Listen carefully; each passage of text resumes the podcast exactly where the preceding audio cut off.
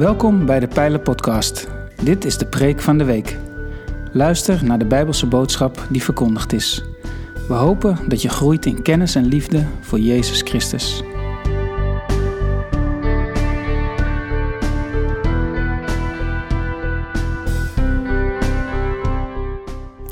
In de maand mei en juni hebben we in de Pijler een preekserie gehad met als titel Songs of Life. We hebben mensen uit de kerk geïnterviewd en gevraagd: hoe kijk je terug op het afgelopen jaar? Mooie, ontroerende en eerlijke verhalen uit een onstuimig jaar. Je kunt naar ons YouTube-kanaal om deze interviews terug te zien. Vanuit de psalmen hebben we gepreekt over de thema's die voorbij kwamen in de verhalen van deze mensen.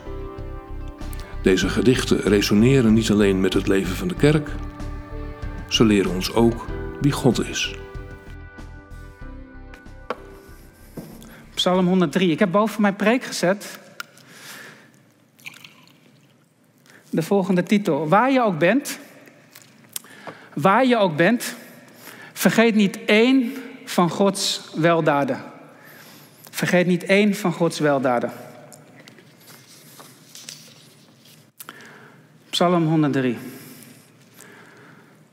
Van David. Prijs de Heer, mijn ziel. Prijs mijn hart, zijn heilige naam. Prijs de Heer, mijn ziel. Vergeet niet één van zijn weldaden. Hij vergeeft u alle schuld. Hij geneest al uw kwalen. Hij redt uw leven van het graf. Hij kroont u met trouw en liefde. Hij overlaat u met schoonheid en geluk. Uw jeugd vernieuwt zich als een adelaar. De Heer doet wat rechtvaardig is. Hij verschaft recht aan verdrukten. Hij maakt aan Mozes zijn wegen bekend. Aan het volk van Israël zijn grootste daden. Liefdevol en genadig is de Heer. Hij blijft geduldig en groot is zijn trouw. Niet eindeloos blijft hij twisten. Niet eeuwig duurt zijn toorn. Hij straft ons niet naar onze zonden.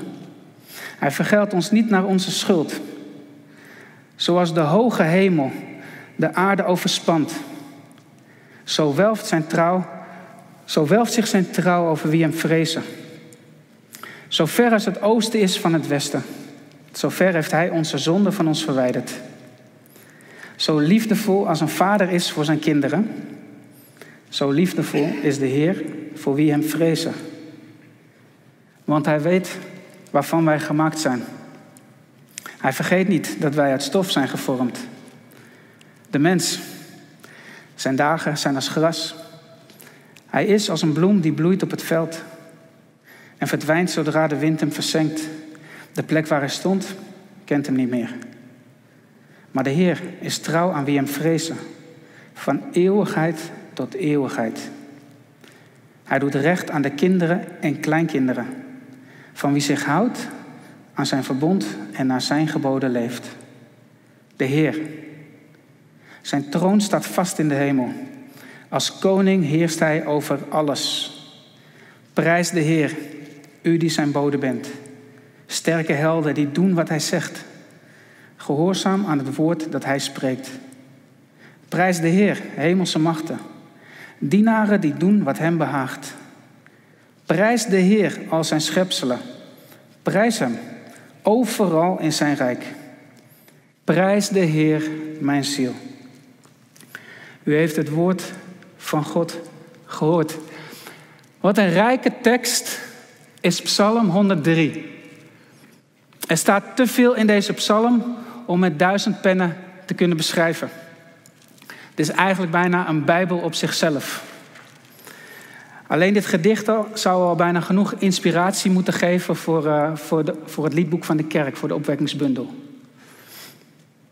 Ik wil vanmorgen stilstaan met jullie bij drie vragen.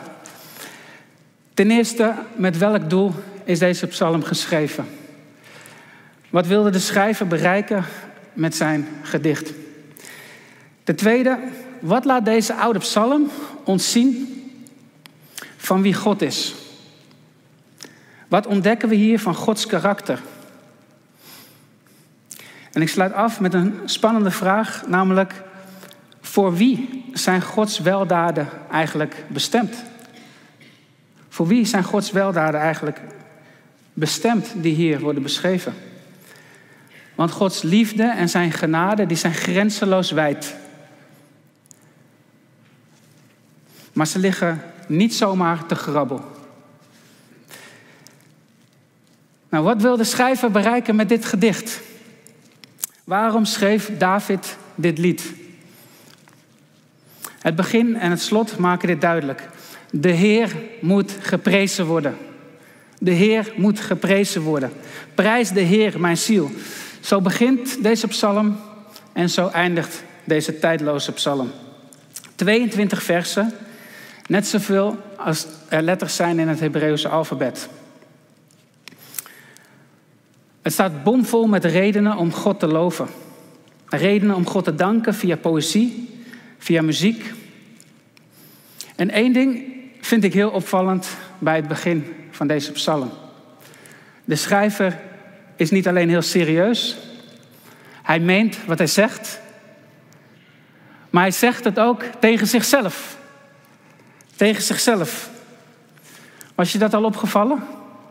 Hij spreekt zichzelf aan. Prijs de Heer, mijn ziel.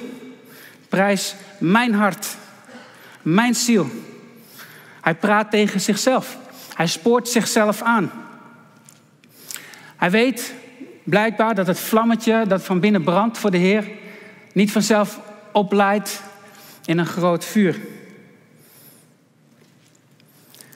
Doe jij dat ook wel eens?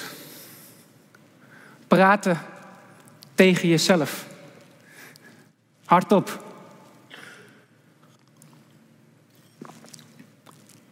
Spoor jij jezelf wel eens aan?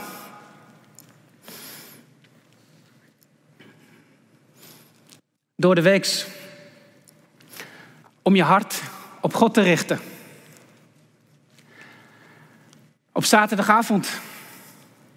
Als de eredienst voor de deur staat. Spoor jij jezelf dan aan? Zondagochtend, half tien, als de livestream bijna aangaat. Of zoals vanmorgen, dat je weer op de fiets zit, in de auto, eindelijk weer naar de kerk. Praat je dan hardop tegen jezelf? Spoor jij jezelf aan om God te prijzen? Weet je, in onze tijd, wij zijn heel goed om anderen aan te spreken. Om anderen aan te sporen. Het kost ons geen moeite. Digitaal of in real life. Wij zijn er goed in. We sporen anderen graag aan in het verkeer. Hey, kijk toch eens uit, joh. Doe je richtingaanwijzer aan als je op die rotonde zit. In onze relaties. Waarom doe je nou zo moeilijk? Waarom kun jij niet accepteren zoals ik ben? Dat ik ben. Of in onze vrije tijd. Hé hey, Frankie boy, ga nou voor die 4-3-3 opstelling. Zet geen B-elftal in het veld. Blijf in die flow. Nederlanders zijn heel goed in het aansporen van andere mensen. Ook in de kerk. Ook in de kerk. Maar waar is die man die zichzelf aanspoort? Waar is die vrouw die hardop tegen zichzelf praat? Zit jij hier in de zaal? Weet jij wat het is om je eigen hart te stimuleren? Zeker als het gaat om de lofprijs van God. De psalmist die heeft het geleerd. Hij doet het ons voor, lieve mensen. Hij doet het ons voor. misschien vind jij het een beetje vreemd, maar probeer het gewoon eens uit. Hardop jezelf aanspreken. In veel evangelische samenkomsten, dat hoor ik, maar dat zie ik zelf ook wel eens als ik ergens anders ben.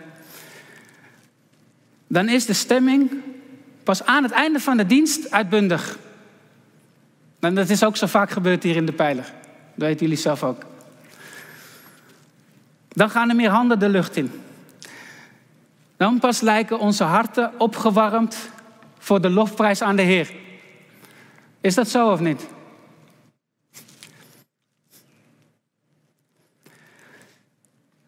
Nemen wij daar genoegen mee?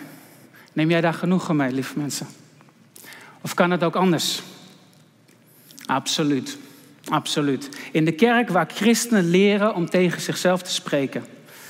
Daar zijn de gebeden, daar is de samenzang vanaf het begin vurig. Daar ben je met al je zintuigen nog intenser betrokken bij de eredienst van jouw leven. Bij de eredienst van de kerk van Jezus Christus. Want dat is wat David graag wil bereiken met deze psalm.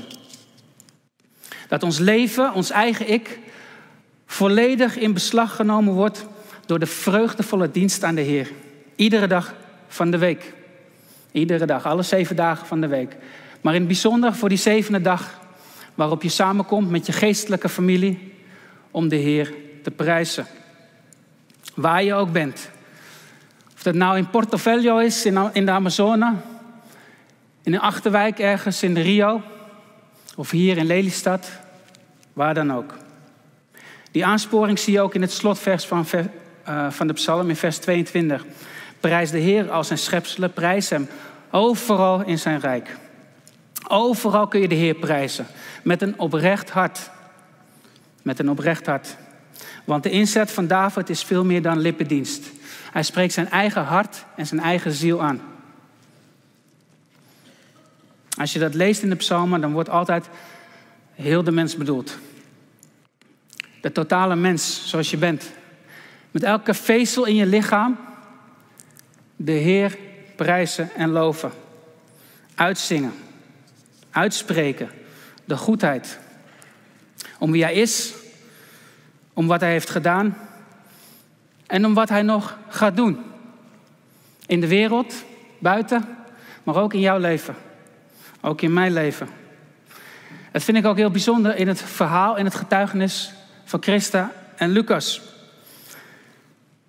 We praten af en toe met elkaar en een paar maanden geleden zaten we op FaceTime te spreken. En ik vroeg aan haar, wat ik net ook al zei, hoe kijken jullie terug op afgelopen jaar? En ze zei uh, dat ze ondanks alle tegenslagen toch enorm dankbaar was. Ze zei letterlijk, heb het teruggevonden in mijn notities. Ik heb psychisch een behoorlijk zware tijd achter de rug. Maar er is ook zoveel om dankbaar voor te zijn.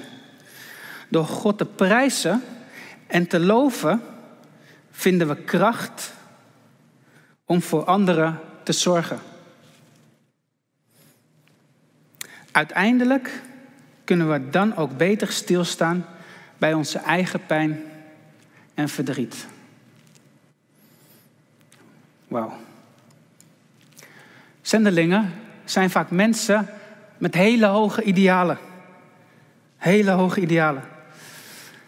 Maar denk niet dat hun leven vol zit met allerlei spannende avonturen, vol met spirituele happy endings. Dat is nonsens. Dat is niet het leven van een zendeling als je daar in Borel rondloopt. Borel is een van de meest gewelddadige, beruchte favelas van Rio. Bekend vanwege alle drugsbendes die daar rondhangen en die op straat de baas zijn. Christa en Lucas, die kennen de noodzaak om hardop tegen zichzelf te praten. De aansporing om het eigen hart op God te richten. Waar ze ook zijn. Zodat ze Gods weldaden niet zullen vergeten. En dat brengt mij bij mijn tweede vraag. Want wat laat deze psalm ons zien? Waar komen die weldaden vandaan? Wat, wat laat deze psalm ons zien van God? Natuurlijk, de psalmen, alle 150, ze vormen het gebedenboek van Israël.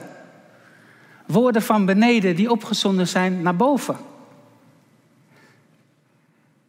Maar die woorden zijn ook door de geest van God geïnspireerd. En daarom laten die woorden ons ook dingen zien. Daarom openbaren ze ons ook delen van wie God is. Nou, wat ontdekken we in Psalm 103 van Gods karakter? Heel veel. Heel veel. We kijken hier heel direct in het hart van God. Want de schrijver die spoort zichzelf aan om de heilige naam, zo zegt hij dat in het begin, om de heilige naam van God te prijzen. Yahweh. En door die naam laat God zichzelf heel persoonlijk kennen. Ik zal er zijn.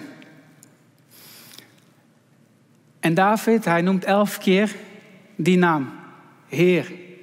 De hoofdletters. Zo zie je dat terug in je Bijbel. Aan Mozes werd die naam bekendgemaakt. En dat bleef niet bij droge kennis. Want Mozes zag met eigen ogen wat God deed daar in Egypte. Hoe het volk werd bevrijd door grootse daden. Hoe God zijn relatie met het volk vernieuwde en het beschermde.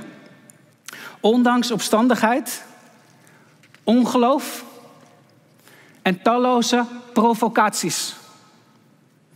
Hoe bijzonder is het dan dat Israël uit volle borst, vers 8 en vers 9, kan zingen. Liefdevol en genadig is de Heer. Hij blijft geduldig en groot is zijn trouw. Niet eindeloos blijft hij twisten. Niet eeuwig duurt zijn toorn. Het is schitterend, mannen. Schitterend als je voorouders God op die manier hebben leren kennen. En het wordt nog mooier, lieve mensen, wanneer jij God zelf op die manier leert kennen in je leven. Wanneer de verhalen van anderen jou helpen om te zien hoe God aanwezig is in je leven.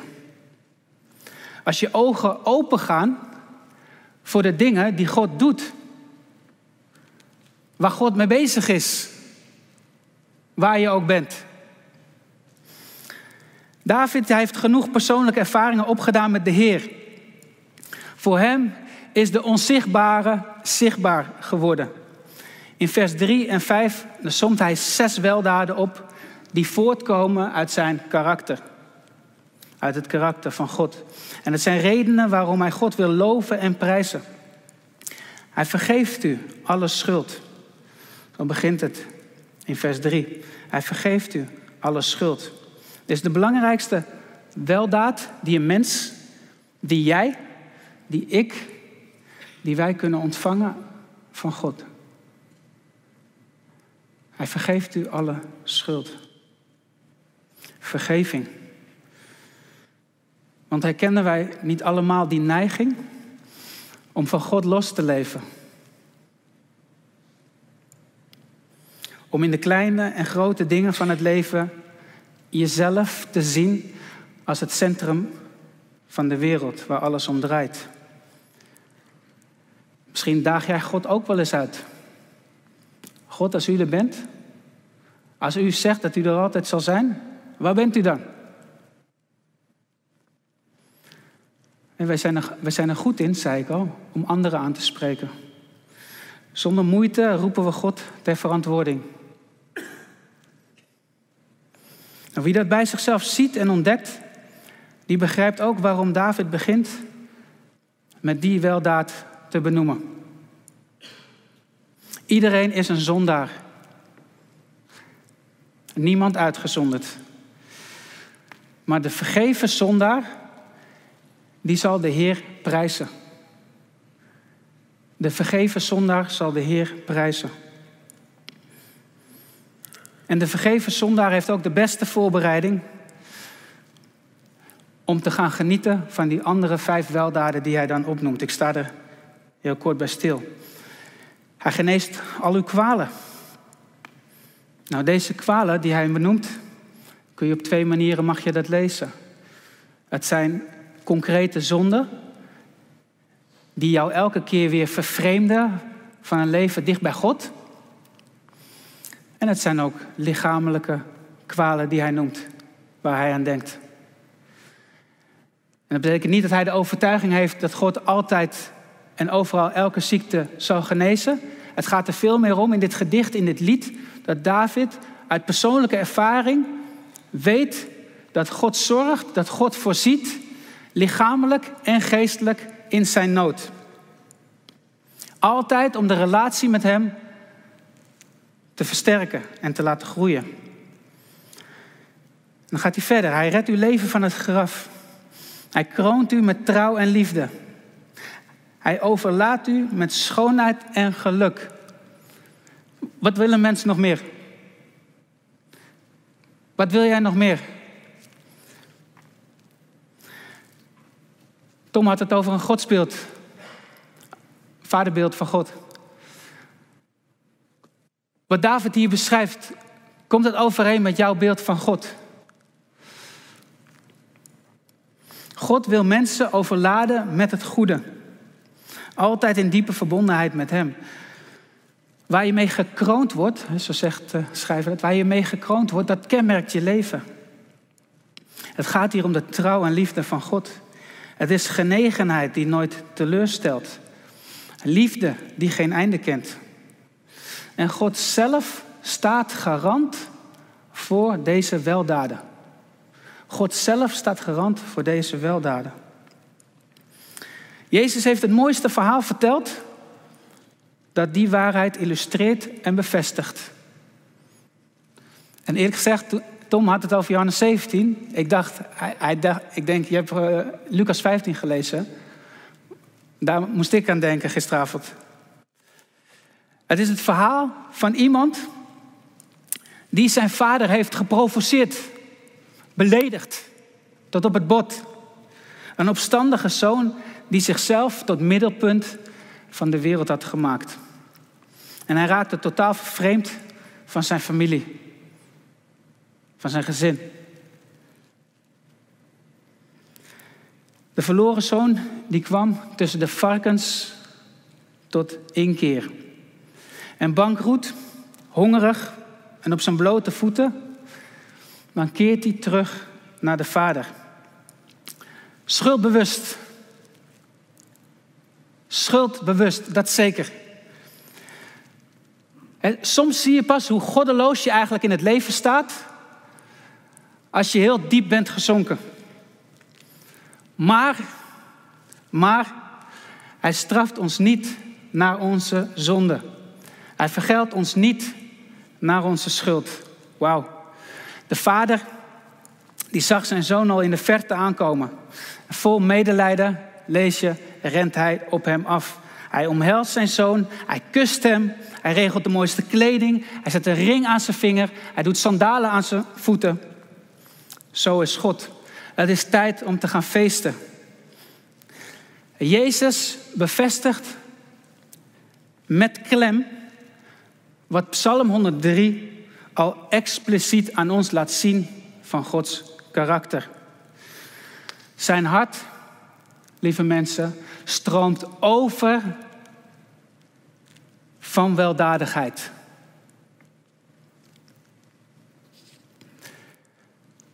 En dan kom ik natuurlijk bij die laatste vraag. Maar voor wie? Voor wie dan? Voor wie is die weldadigheid dan bestemd? Wie kan daar aanspraak op maken? Is dat alleen bestemd voor spirituele hoogvliegers? Zendelingen die veel opofferen om naar het buitenland te gaan? Geen idee hoe de nabije toekomst eruit ziet? Of worden Gods weldaden vroeg of laat bij iedereen in de schoot geworpen? Vanzelfsprekend. Het Bijbelse antwoord, lieve mensen, we hebben het zelf gelezen net, is even verrassend als duidelijk. Geen van beide. Geen van beide. Halverwege Psalm 103 wordt duidelijk wie op de weldaden van God mag rekenen. Als u nog uw Bijbel over heeft, kijk mee. In vers 11 tot en met 13 wordt met drie metaforen, met drie vergelijkingen benadrukt hoe weldadig het hart van God is voor zondaren. En de eerste en de derde vergelijking, die onthullen ook voor wie de weldaden van God zijn bestemd. Zoals de hoge hemel de aarde overspant, prachtig beeld, zo welft zich zijn trouw over wie hem vrezen. En dan naar de derde vergelijking. Zo liefdevol als een vader is voor zijn kinderen. Zo liefdevol is de Heer voor wie hem vrezen.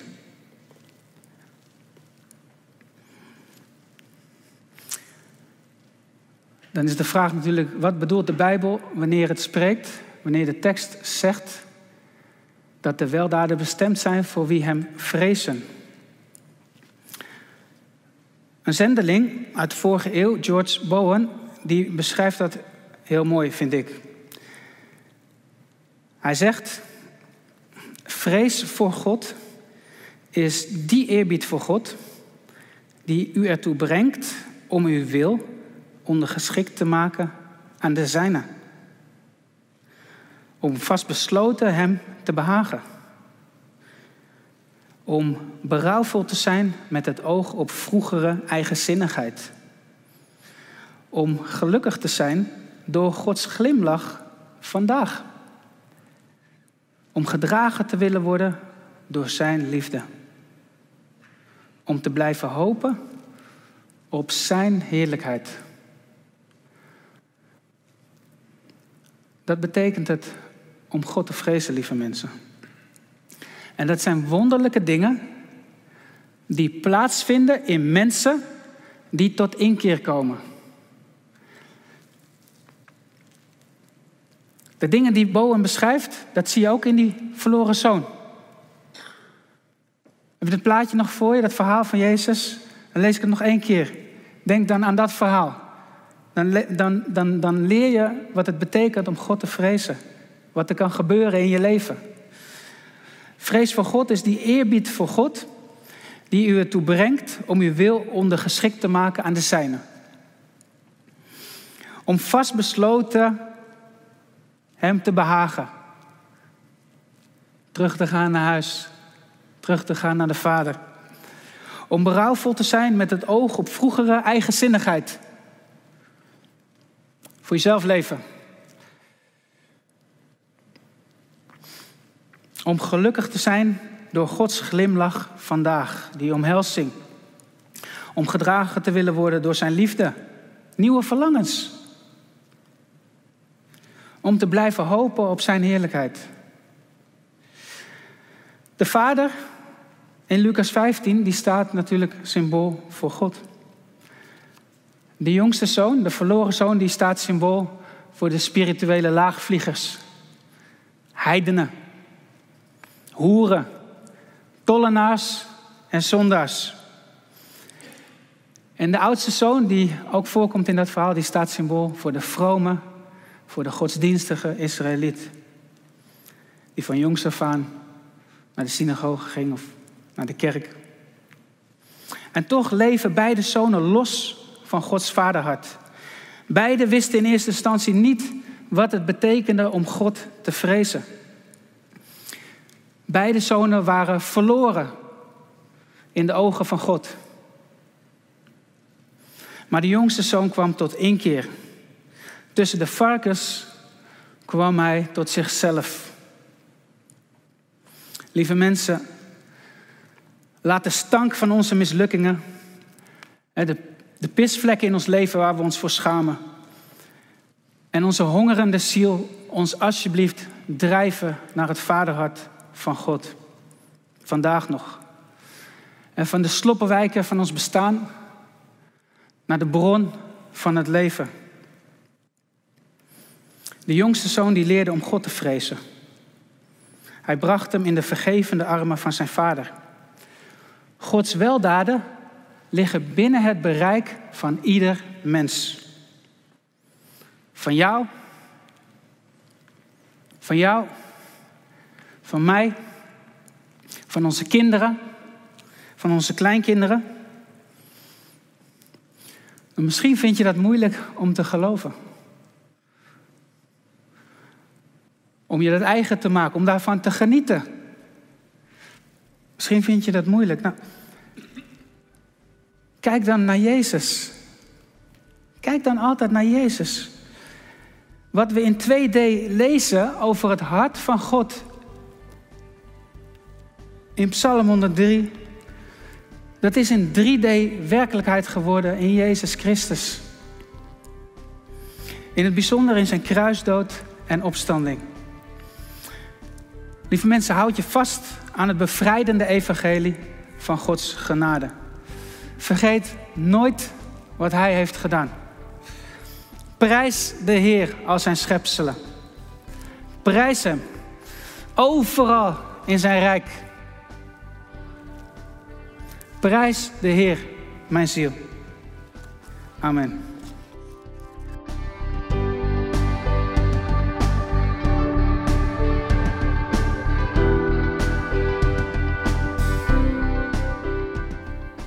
Bedankt voor het luisteren naar deze aflevering van de Pijlen Podcast, Preek van de Week. Heb je vragen naar aanleiding van deze preek? Stel ze. Dat kan via een e-mail naar onderwijs.pijler.nl. We helpen je graag verder in je groei als leerling van Jezus Christus. Abonneer je op deze podcast, zodat je altijd op de hoogte blijft van het onderwijs uit de Pijler. Goede week gewenst, ga in vrede, want God is nabij.